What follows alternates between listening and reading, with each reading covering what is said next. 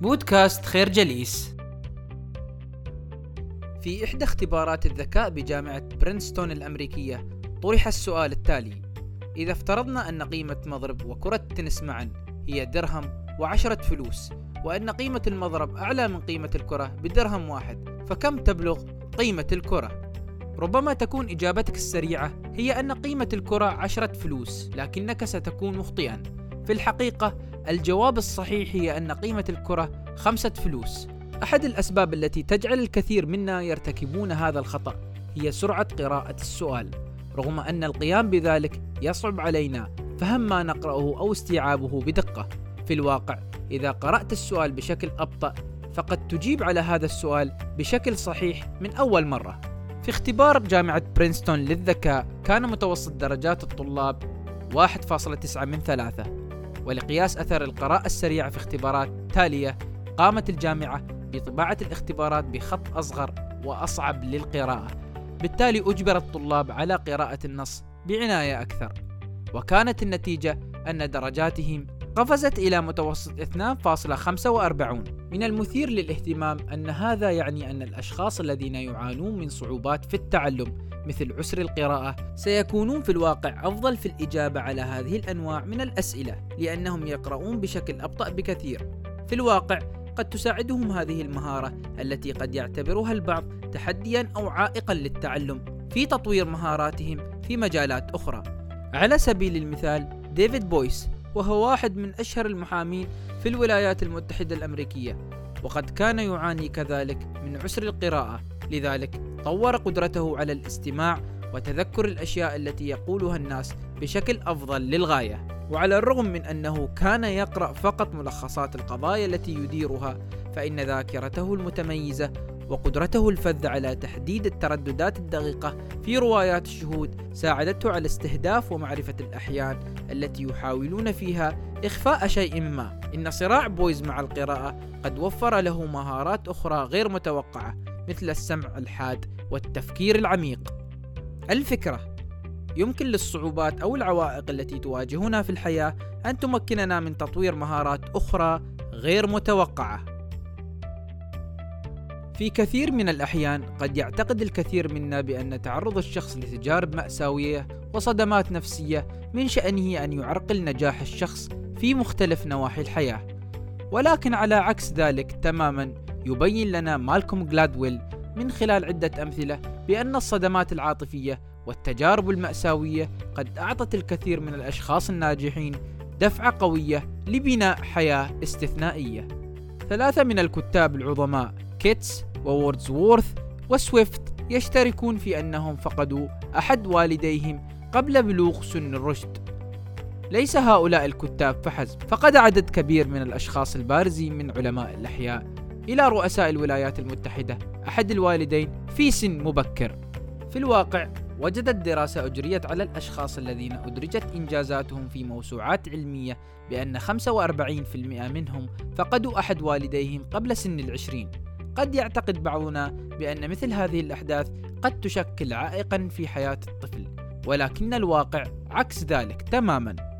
ذلك لأن العديد من هؤلاء الأشخاص الناجحين يعتقدون بأن الدافع إلى تحقيق الإنجازات الخارقة لا يتحقق إلا من خلال الكفاح ضد الظروف المعاكسة.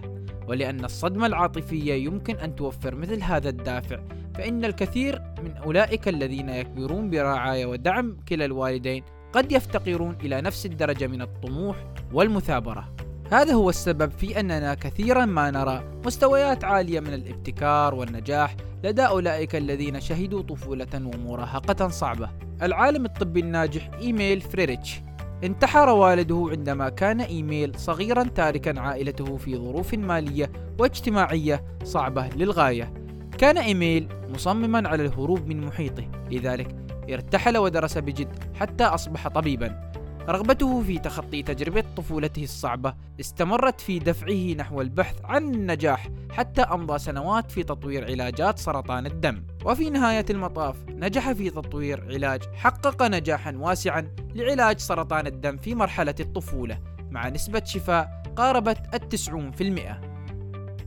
الفكرة يمكن للتجارب المؤلمة أن تحفز الناس على تحقيق أشياء عظيمة من خلال تنمية الشجاعة والمثابرة لديهم.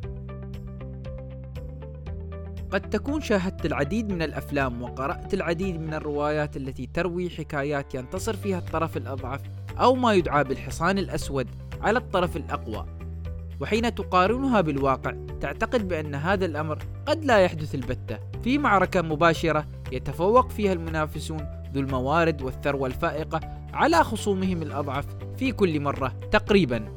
ومع ذلك فبينما لا يأمل الكثير من الأطراف الضعيفة في قلب الطاولة والتغلب على خصومهم الأقوى فإنهم في الواقع قد يتمتعون بفرصة أكبر للنجاح إذا استخدموا خططا واستراتيجيات غير متوقعة. يمكن العثور على مثال رائع لهذا في تاريخ الحرب وفي مناسبات عديدة جدا. قامت الجيوش الصغيرة ذات الموارد القليلة بضرب جيوش أقوى منها من خلال تجنب القتال المباشر. وبدلا من ذلك تم استخدام تكتيكات مضللة مثل تخريب شبكات النقل والاتصالات للانتصار على خصم أقوى. يجب على الطرف الأضعف التركيز على الصفات الفريدة الخاصة به فهي تعمل على زيادة قوته وتجنب الوقوع في مواقف تناسب نقاط قوة خصومه الأقوى. في عام 1917 الجنرال الإنجليزي المعروف بلورنس العرب مع مجموعة صغيرة من العرب الذين لم يكونوا مدربين للقتال لمحاربة الأتراك على نقيض من الجيش التركي الذي كان جيشا حديثا ومجهزا آنذاك. لم يكن معظم العرب يعرفون استخدام أبسط الأسلحة الحديثة كالبندقية لكنهم كانوا يتمتعون بمهارات خاصة أخرى مثل كيفية التنقل بخفة والعثور على الماء في الصحراء العربية. لذلك ركز العرب على مكان من قوتهم أثناء المعارك مع الجيش التركي القوي. على سبيل المثال بدلا من الهجوم على المدن الساحلية عن طريق البحر كما كان يتوقع الأتراك استخدم العرب مهاراتهم للخروج من الصحراء واقتناص الجيش التركي على حين غرة. مكنتهم هذه التكتيكات من النجاح وإخراج قوات العدو من عدد من المدن الساحلية. الفكرة يجب على الطرف الأضعف التركيز على نقاط قوته ومهاراته الخاصة بدلا من الانصياع لقواعد اللعبة التي يضعها الطرف الأقوى. مؤسس شركة إيكيا الشهيرة للأثاث إنغفار كامبراد كان يواجه في أوائل الستينات ضغوطا كبيرة من صانعي الأثاث السويديين الذين كانوا غاضبين من أسعاره المنخفضة للغاية والتي كانت تضر ببضاعتهم في السوق. نتيجة لذلك قاطع موردو المواد الخام شركة إيكيا مما أضر بمداخيل الشركة بشكل ملحوظ.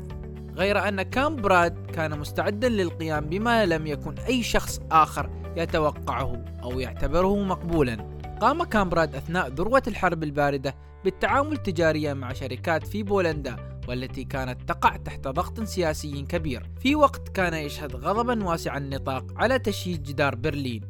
كان من السهل وصف تصرف كامبراد بالتهور والجنون كونه معاكسا للرأي الاجتماعي السائد. ولكن رغم ذلك أثبتت النتائج المالية بأنه قد اتخذ خطوة صائبة ونجح في إعادة إيكيا إلى الريادة العالمية. وجدت دراسة أجريت على اختيار نموذج العوامل الخمسة للشخصية التي يستخدمها علماء النفس أن رواد الأعمال الناجحين يتسمون بقدر عالي جدا من الاختلاف مع الرأي العام. لقد أظهرت الدراسة بأن العديد من القادة قد وصلوا إلى مستوى نجاحهم من خلال أخذ المخاطرات الاجتماعية والتحلي بالجرأة على مخالفة المعتقدات والتقاليد الاجتماعية السائدة. وعلى الرغم من حقيقة أن قراراتهم قد تكون منبوذة من قبل أقرانهم ومستبعدة من قبل مجتمعهم إلا أنهم عقدوا العزم على أخذها في سبيل تحقيق النجاح. الفكرة لكي تنجح في تحقيق أهدافك يجب عليك التحلي بالجرأة على مخالفة الرأي العام وأخذ المخاطرة لتخطي العقبات الاجتماعية السلبية والمحبطة للنجاح. نشكركم على حسن استماعكم. تابعونا على مواقع التواصل الاجتماعي لخير جليس، كما يسرنا الاستماع لآرائكم واقتراحاتكم، ونسعد باشتراككم في البودكاست.